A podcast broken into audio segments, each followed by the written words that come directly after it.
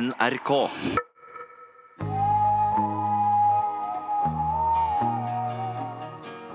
Har du et øyeblikk i livet ditt som du alltid vender tilbake til? Det har jeg. Noe du skulle ha sagt eller gjort, men aldri har våga? Det har jeg. I denne podkasten skal du få møte folk som sier det de aldri før har sagt, og som hopper ut i det de er aller mest redde for.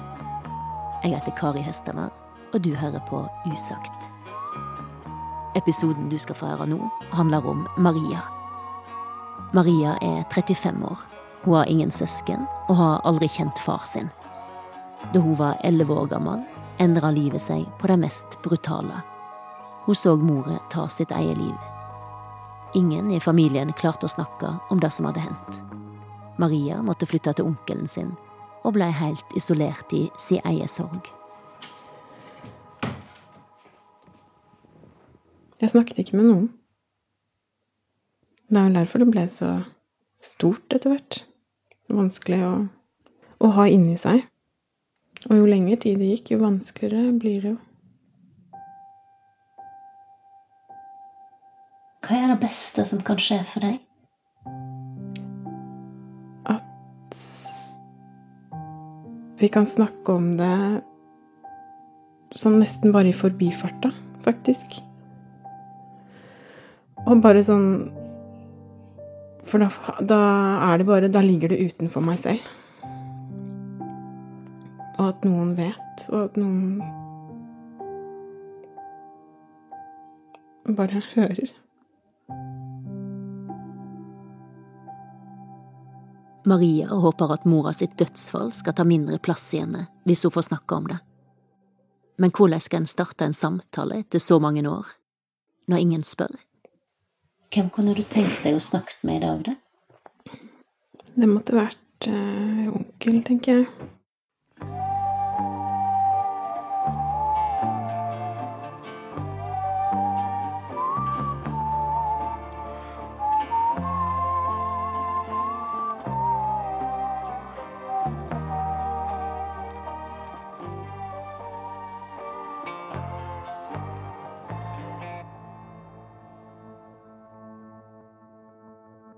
Det er snart 25 år siden livet blei snudd på hodet for elleve år gamle Maria, med kort, mørkebrunt hår og stort smil. Det var en klar augustdag med sol og skyfri himmel. Sommerferien var akkurat over, og et nytt skoleår så vidt i gang. Det var eh, første skoledag i fjerde klasse. Jeg hadde fått timeplan, skulle fylle ut. Jeg husker at jeg satt ved stuebordet og skulle fylle den ut. Og mamma var inne på rommet sitt, og mormor var på kjøkkenet. Og så var det egentlig helt vanlig. Mormor var ofte hos oss og lagde middag hvis vi trengte det, eller Ja, det var Ja, det var veldig stille. Vanlig. Jeg ble litt irritert på mamma for at hun blanda seg i timeplanen min, så jeg ville bare, tydeligvis bare sitte i fred. Det husker jeg veldig godt. Så var det helt vanlig helt til Døra fra soverommet hennes åpner seg, og hun bare løper ut og roper at nå gjør hun det hun alltid har villet gjøre. Og løper ut på terrassen og hopper ut.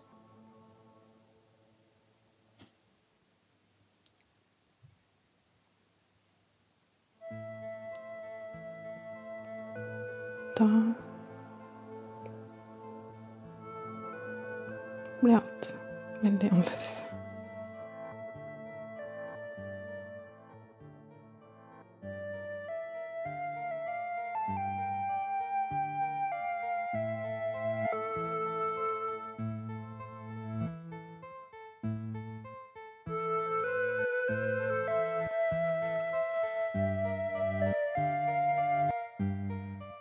Jeg husker at jeg bare frosset helt.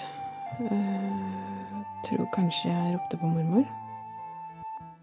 For mormor kom i hvert fall ut fra kjøkkenet og Så husker jeg ropte nei, ikke gå ut på terrassen.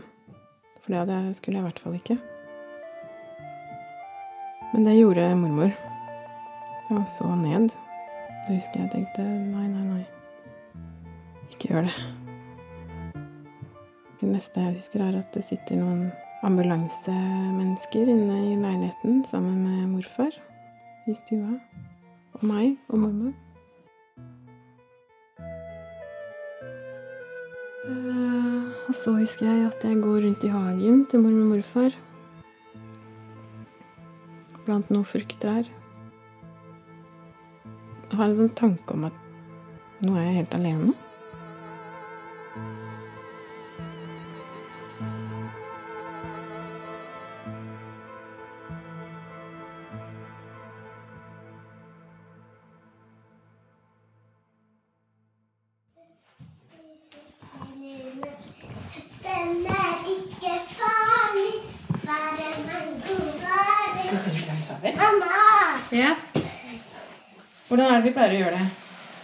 Maria er blitt 34 år og mor til to. Hun beveger seg rolig mellom leker og leggeklare barn. Hun har en varm latter og mørke trekk. Er halvt norsk, halvt indisk. Langs den ene veggen står et helt spesielt piano.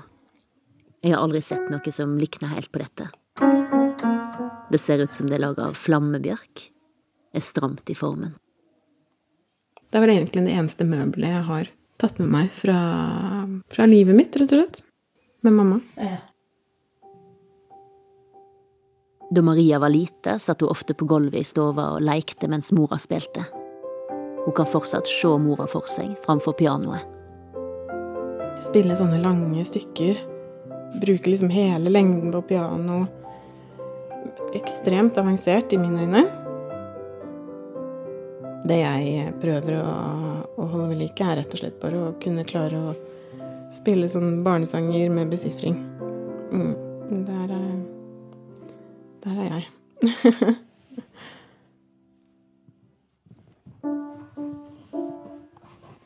Marias fire år gamle datter har et foto av mormor i leikekjøkkenkroken sin. Maria vet at det bare er et spørsmål om tid før hun begynner å stille spørsmål om hva som skjedde med mormor. Man skulle kunne snakke om mamma på en fin måte og minnes henne på en god måte og vite hvem hun var. Maria vokste opp sammen med mor som eneforsørger. Sin indiske far har hun aldri kjent. Hun og mora bodde i drabantbyen Fjell utenfor Drammen, i ei blokkleilighet. Hvor du på en måte kan gå gjennom hele så det var sånn når du kom inn i gangen, så kunne du gå inn på kjøkkenet til høyre. Og fra kjøkkenet og inn i stua så var det en dør. Og fra stua og inn til mamma sitt rom så var det en dør. Og så fra mamma sitt rom og inn på badet og ut i gangen så var det dør. Så du kunne liksom gå rundt hele leiligheten. Maria har et gammelt album i fanget. Der er mamma på ski. Bilde av mor. Ja og av Maria i barneskolealder, som smiler mot fotografen. Jeg tror jeg var veldig glad. Jeg var veldig glad og sta og likte å være med på ting. Her er morfar og mormor og mamma. Ja. Et tannløst smil for deg. ja. Nesten alle fotografier viser en stor familie som er samla. Tanter og onkler, fettere og kusiner. Mor på piano. Et bilde av morfar og Maria som har konsert i stova. Der spiller jeg morfar blokkfløyte i stua. Han eh, spilte fiolin i orkester under mange år. Og var også veldig glad i å spille blokkfløyte. Vi hadde på en måte en gjeng av familiemedlemmer som jeg var hos veldig mye. Var hos mor og morfar hver eneste helg. Jeg skjønte jo at det var litt annerledes. Mora hadde perioder der hun var innlagt på psykiatrisk sykehus og trengte ekstra hjelp. Besteforeldre og mora sine søsken hjalp til sånn at Maria likevel kunne ha et godt liv. Jeg hadde ingen bekymringer om mamma som tok fokus fra andre ting før jeg var elleve år. Jeg kunne konsentrere meg om å leke og gå på skolen og følte meg litt annerledes, men ikke noe som gjorde at eh, det ble for stort. Jeg var aldri i tvil om at hun elsket meg. Eh, overøste meg med kjærlighet. Det er vel det jeg sitter igjen med. Jeg, jeg var liksom aldri i tvil.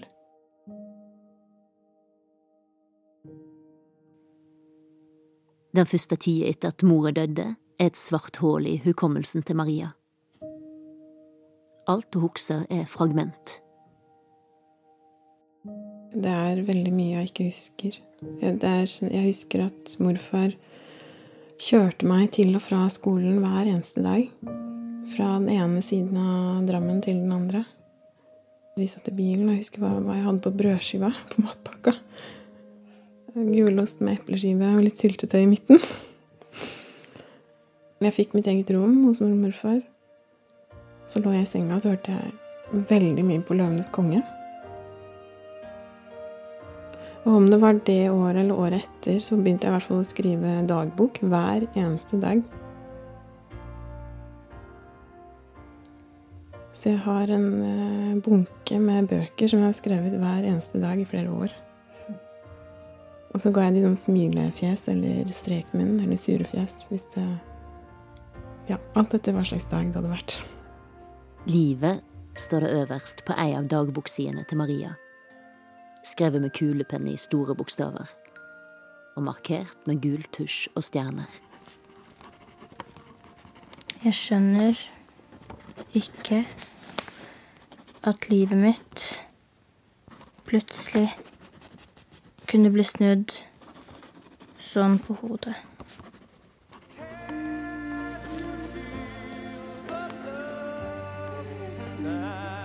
Aller helst vil jeg bo på fjell sammen med mamma. Vi hadde det så fint. Jeg savner henne.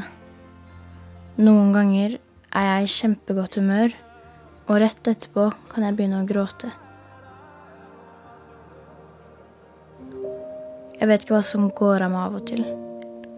Jeg hater livet mitt. Det var ikke sånn jeg hadde håpet og tenkt at livet mitt skulle bli. Alvorlig. Jeg er ingen morsom person. Og jeg har veldig liten omgangskrets. Jeg har veldig fokus på hele tiden komme meg videre inni meg. Som gjør at jeg ikke klarer og har kapasitet til å gjøre så veldig mye annet.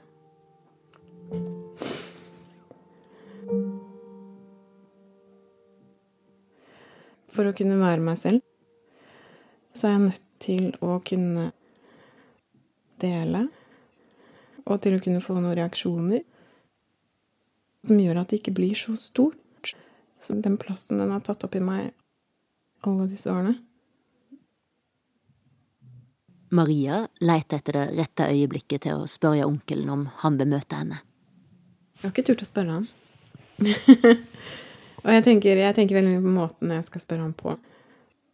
Men jeg skal gjøre det. Hva vil du gjøre? Vil du skrive mail, eller? Nei, jeg må Ingen. snakke med han. Ta det ansikt til ansikt. Det første året etter at mora døde, bodde Maria hos mormor og morfar i Drammen. Og så ville ikke de eh, De syntes nok at de var litt for gamle til, å skulle, til at jeg skulle bo der eh, for fremtiden. Så da ble det bestemt at jeg skulle bo hos eh, onkelen og tanta mi. Onkelen og tante bodde i Nittedal og hadde to yngre barn på tre og seks år. Og for Maria var overgangen stor. Mange flere å forholde seg til. Og selvfølgelig et nytt miljø. Nytt miljø, ny familie og nytt hus. Det var tre etasjer, og så kom man inn i den midterste, hvor det var kjøkken og stue og gang og bad. Så hadde jeg rommet mitt oppe på loftet med en loftstue. Eh, Og de andre soverommene var nede i underetasjen. Jeg var mye alene på rommet mitt. Det var jeg.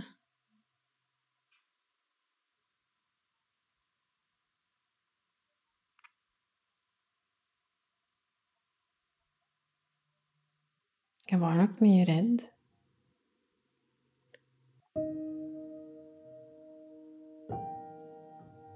Og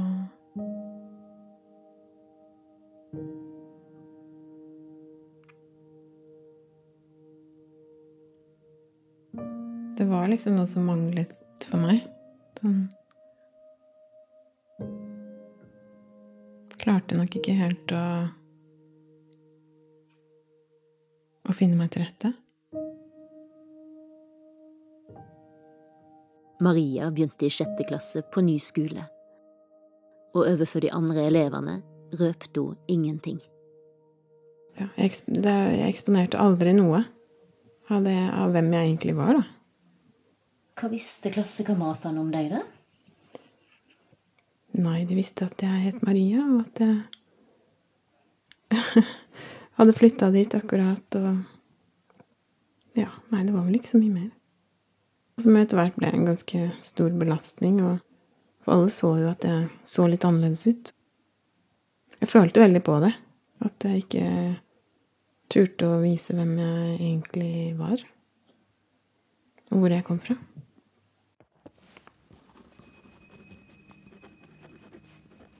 Siden sjette klasse har det vært min hemmelighet at mamma er død, og at jeg er halvt indisk. Jeg bor hos onkelen og tanta mi. Ingen av vennene mine har fått noen mistanker. Mange har spurt hvor jeg kommer fra, men jeg har bare feid det bort. Og sånn har det fortsatt og fortsatt. Kanskje jeg likte det sånn som det var, at ingen visste noe. Kanskje det var det at jeg aldri hadde kjent noen som hadde det slik som meg. Eller fant noen jeg følte jeg kunne stole ordentlig på. Jeg vet egentlig ikke selv.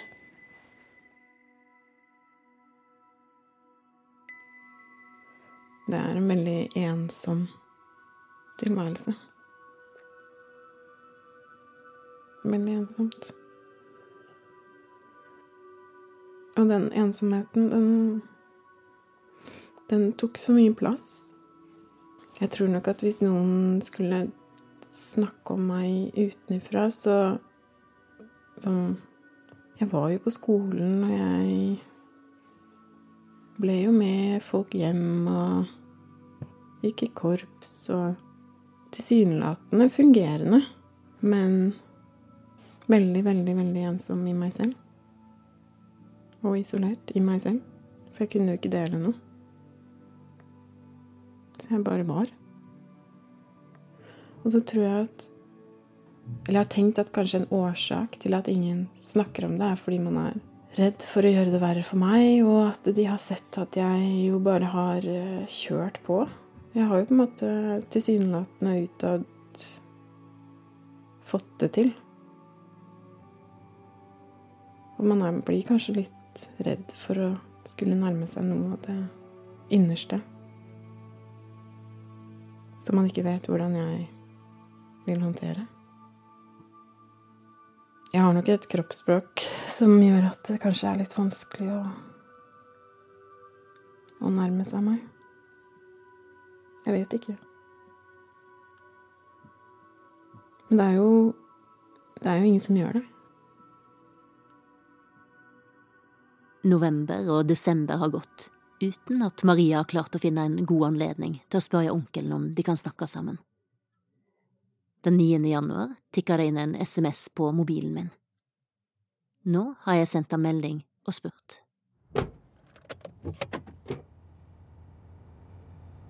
Noen veker seinere er vi på vei til Høybråten utenfor Oslo.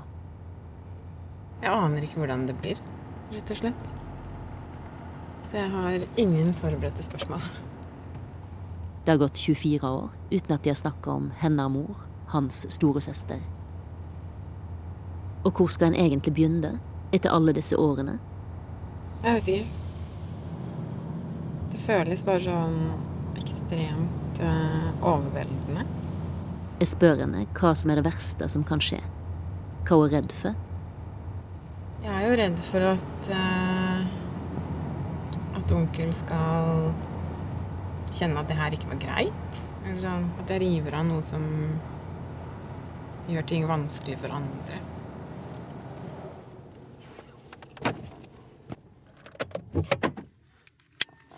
Vi stopper bilen utenfor et lysegrønt hus og går opp en liten gangsti mot inngangsdøra. Det er snø og midt i januar.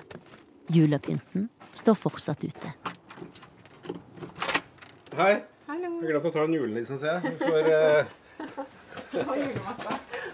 Hei. Å, julematta, ja. ja. Det får stå, det får stå til. Velkommen. Takk. Jeg tar opp en svarte. Du tar opp, ja? Ja. ja.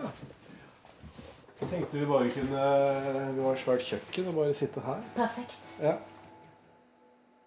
Vi setter oss ved spisebordet i et stort, lyst kjøkken. Verken Maria eller onkelen veit helt hvor de skal begynne, og sirkler seg langsomt inn mot det de skal snakke om. Hvor skal man begynne? Ja, hvor skal man begynne? Sånn er jeg litt nå. Nå, blir jeg, nå kjenner jeg blir litt sånn uh... Det er kjempevanskelig. Det er Men kjempevanskelig. eh, Hans Martin er akkurat kommet hjem fra jobbreise på Færøyene, og på turen har han øvd seg på å være åpen. Jeg testa det faktisk nå når jeg var ute på tur, og bare snakka om dette her. eh, At nå skulle jeg være med i en podkast hvor vi skulle snakke om selvmord. Og det ble helt taust. Det, var liksom, det var ingen som tok noe oppfølgingsspørsmål på, på eh, hvorfor det hadde skjedd. Det, var, det, det ble veldig sånn rar stemning. Så, men, men hvorfor det er sånn i en familie at ikke vi har pratet om det, det, det er eh, Det er ikke noe enkle svar på det. Det er så mye følelser, og det er så mye, er så mye Jeg kjenner jo nå når jeg sitter og prater om det, at det er vanskelig. Ja. Likevel tar Hans Martin sats og begynner på fortellinga om den dagen som endra livet deres. Pappa ringte meg på, um, på ettermiddagen og fortalte hva som hadde skjedd. Da hadde vi, da hadde vi, jeg tror det, da hadde vi hatt besøk i helgen også av Toril. Eh, så det var liksom bare to dager siden jeg hadde sett henne. Så det var jo det var veldig sånn surrealistisk. Veldig, veldig kaotisk. Så var det å reise ut i Drammen, og da, da Husker du Maria fra den dagen? Fra Ja, jeg husker Maria fra Husker den det? Ja, jeg husker det veldig godt. Du lå, i, du lå inne på mormor sitt, sin seng. Oi. Du lå inne i senga der, og du var veldig Du var veldig trist, selvfølgelig. Du var veldig, veldig Ja. Veldig lei deg. Så det var Og jeg husker da, det var ikke så enkelt å trøste heller. Det var veldig sånn Det var Ja. Så det var eh,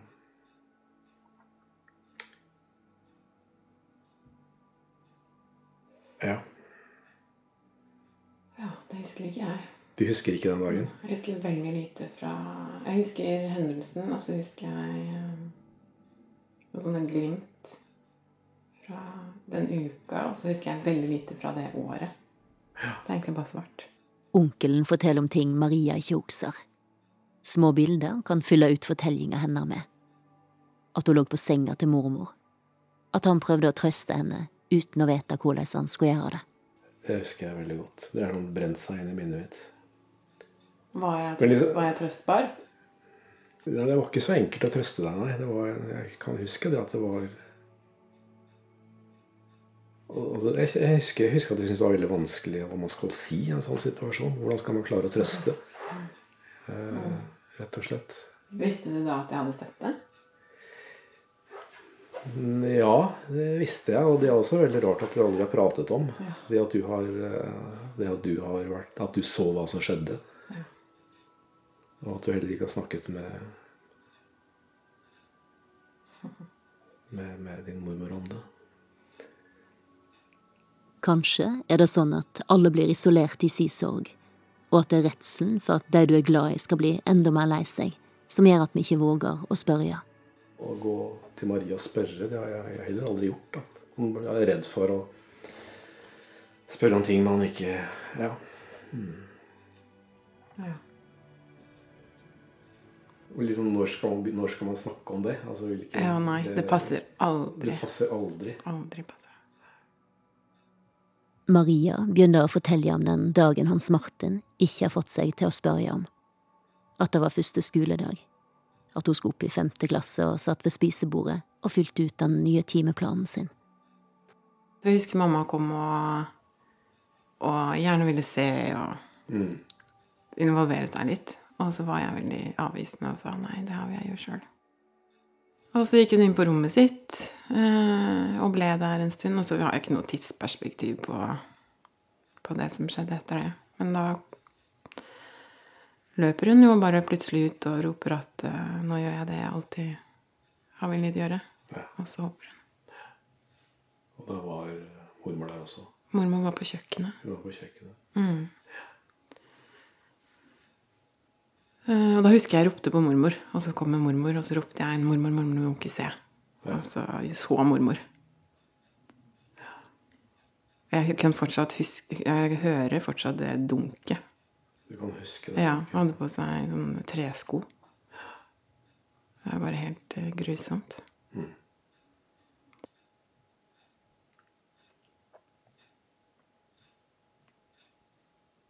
Så, nei, man blir, jeg blir litt trist. Ikke vært flinke nok da, til, til å snakke om dette her. Så jeg tenker at jeg ville sendt enn aldri, da. Du var jo kanskje ikke helt klar for at vi skulle snakke med deg om det når du var tolv. Jeg vet ikke helt uh...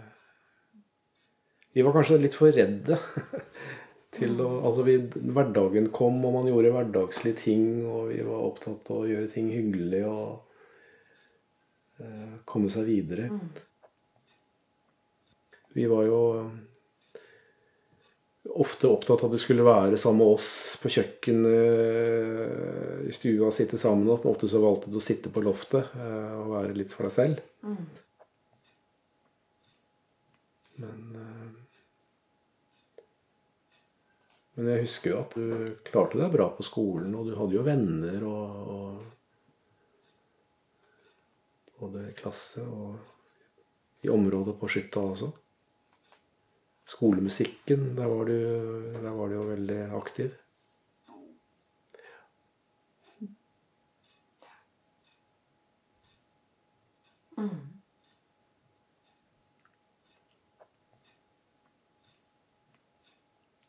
Men det var vel ikke alt som var like enkelt. Nei, jeg tror det er stor forskjell på hva man har sett, og hvordan det har vært. Ja. um, ja.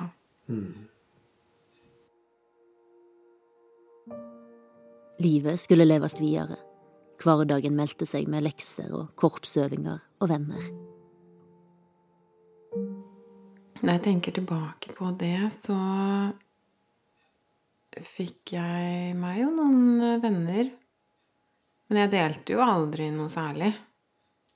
Og hvis jeg måtte, så husker jeg at jeg løy. Nå, ja. Eh, løy ganske mye. Mm.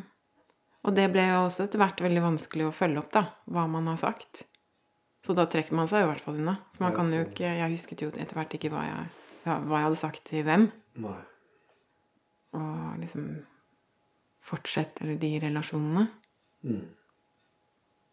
Jeg har jo sagt at, at du og At dere var mammaen og pappaen min. Okay. Ja, og det så jo alle at det ikke var tilfellet. Ja. ja det, Eh, og det Ja. ja. Det er som om de ser hverandre for første gang mens de snakker, og at avstanden og tida som har gått, gjør det litt enklere enn da de sto midt oppi det og bare skulle overleve. Og det som at da Maria har yngst seg, er i ferd med å skje. Det må ikke være en stor greie. Nei. Man må ikke skulle sette av så masse det blir en naturlig del av praten. mm. Ja. Sånn som eksempel hvis vi spiser noe som mamma hadde syntes var skikkelig godt. Ja. Ikke sant? Så bare sier man det, da. ja. Eller at hvis man eh, ja, kommer på andre ting Ja. som bare ja. Og så trenger man ikke snakke så veldig mye mer enn det. Det kan bare Ja, være det, sånn, det, det slo meg plutselig nå når vi snakker om det. Eh, hun elsket jo å bade. Ja. Ikke sant? Når vi var Ja. på badelandet, så kunne jeg sagt det at oi, Ja. her skulle mamma vært. For Ja. det hadde hun likt veldig godt. Hun Ja. elsket å bade. Hun og jeg var jo på Drammensbadet masse. Ja.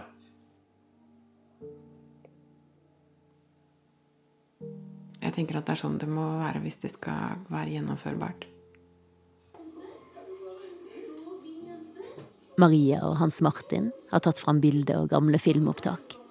Av familien som er samla framfor TV, og Sølvguttene som synger jula inn, den aller siste jula mora levde. Opptak av Maria som ler og tuller med onkelen sin. Så jeg elska jo å tulle med deg og ja. dere. Ja, vi var, vi var jo veldig glad i Maria. Og Jeg var jo mye på besøk hos vi dere var òg. veldig mye på besøk hos oss. Og så er det noe med det at det blir litt annerledes når man liksom skal har ansvar, og det blir litt mer sånn Det her er blokka vi bodde på fjellet. Ja, her er faktisk blokka. Ja. Det var her det skjedde. Ja. Det er bare et år før det skjedde. Ja. Onkelen ser at han akkurat har prøvd å besøke grava til søstera. Grunnen til at jeg også ville reise opp til graven, var når jeg har glemt datoen. Dødsdatoen. Mm, det har jeg òg. Har du òg glemt det? Og så lurer jeg hvert år på om det er den 21. august. Ja. Og så, og så er det litt sånn Ja, jeg har, jeg har rett og slett glemt det, da. Så det var en av grunnene til at jeg ville besøke graven. Og bare, jeg, må, jeg må bare notere meg datoen. Ja. Kan- Hvilken dato var det, da? Nei, det var det som var problemet. Det var bare snø, så jeg klarte ikke å se noen ting. Men kunne du ikke børsta vekk snø? Jeg visste ikke, jeg visste ikke hvor det Om du visste ikke stein hvor steinen var? Nei, for det, alt var bare helt hvitt. Alt. Åh. Ja. Så jeg får ta en tur Jeg ser for meg Hans Martin på den nedsnødde kirkegården. Stående i alt det hvite, uten å vite hva retning han skal gå i for å finne att søster si og datoen hun ble borte for de. Det er som om samtalen med Maria levendegjør minnet, og begge begynner å huske ting de hadde glemt. Når jeg hører du ler, så tenker jeg ofte på Toril. Da kan jeg høre at, den, at, at det er noe, noe, Oi. noe Ja, noe Ja. Veldig, veldig, veldig lik. Tenk så nydelig at du har arva latteren til mor di. Ja. Ja, ja, det tenker jeg veldig ofte. Det burde jeg jo sagt. Selvfølgelig burde jeg sagt det.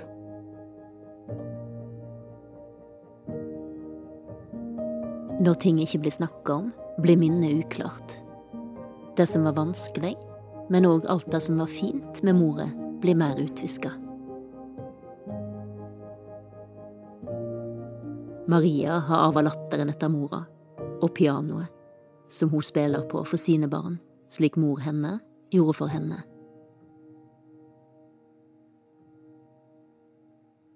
Både Maria og onkelen har bestemt seg for å holde minnet om mor til Maria levende, sjøl om måten hun døde på var vanskelig. Altså, hva er det verste som kan skje? Det er kanskje at man kan dykker opp i minner, og man, man må bli litt glad og trist om hverandre, da. Hvis man kan bruke det uttrykket. Begge senker skuldrene, og det er som om rommet blir fylt med luft igjen. Jeg ville aldri funnet på, funnet på dette. Det er fantastisk modig gjort. Det, det er det. Nå har jeg glemt å ordne med kaffe. Jeg hadde kjøpt noen aluminium. Oi, du hadde det, ja? Det var liksom det bare forsvant i, Ja, i uh... Ja, ja. Du kan få med dere hvis du har lyst Jeg kan ta med meg et. Men du rekker, rekker du det? Ja, men har du lyst på det? Jeg tar gjerne med. Da får du med. Hvor er det igjen, da?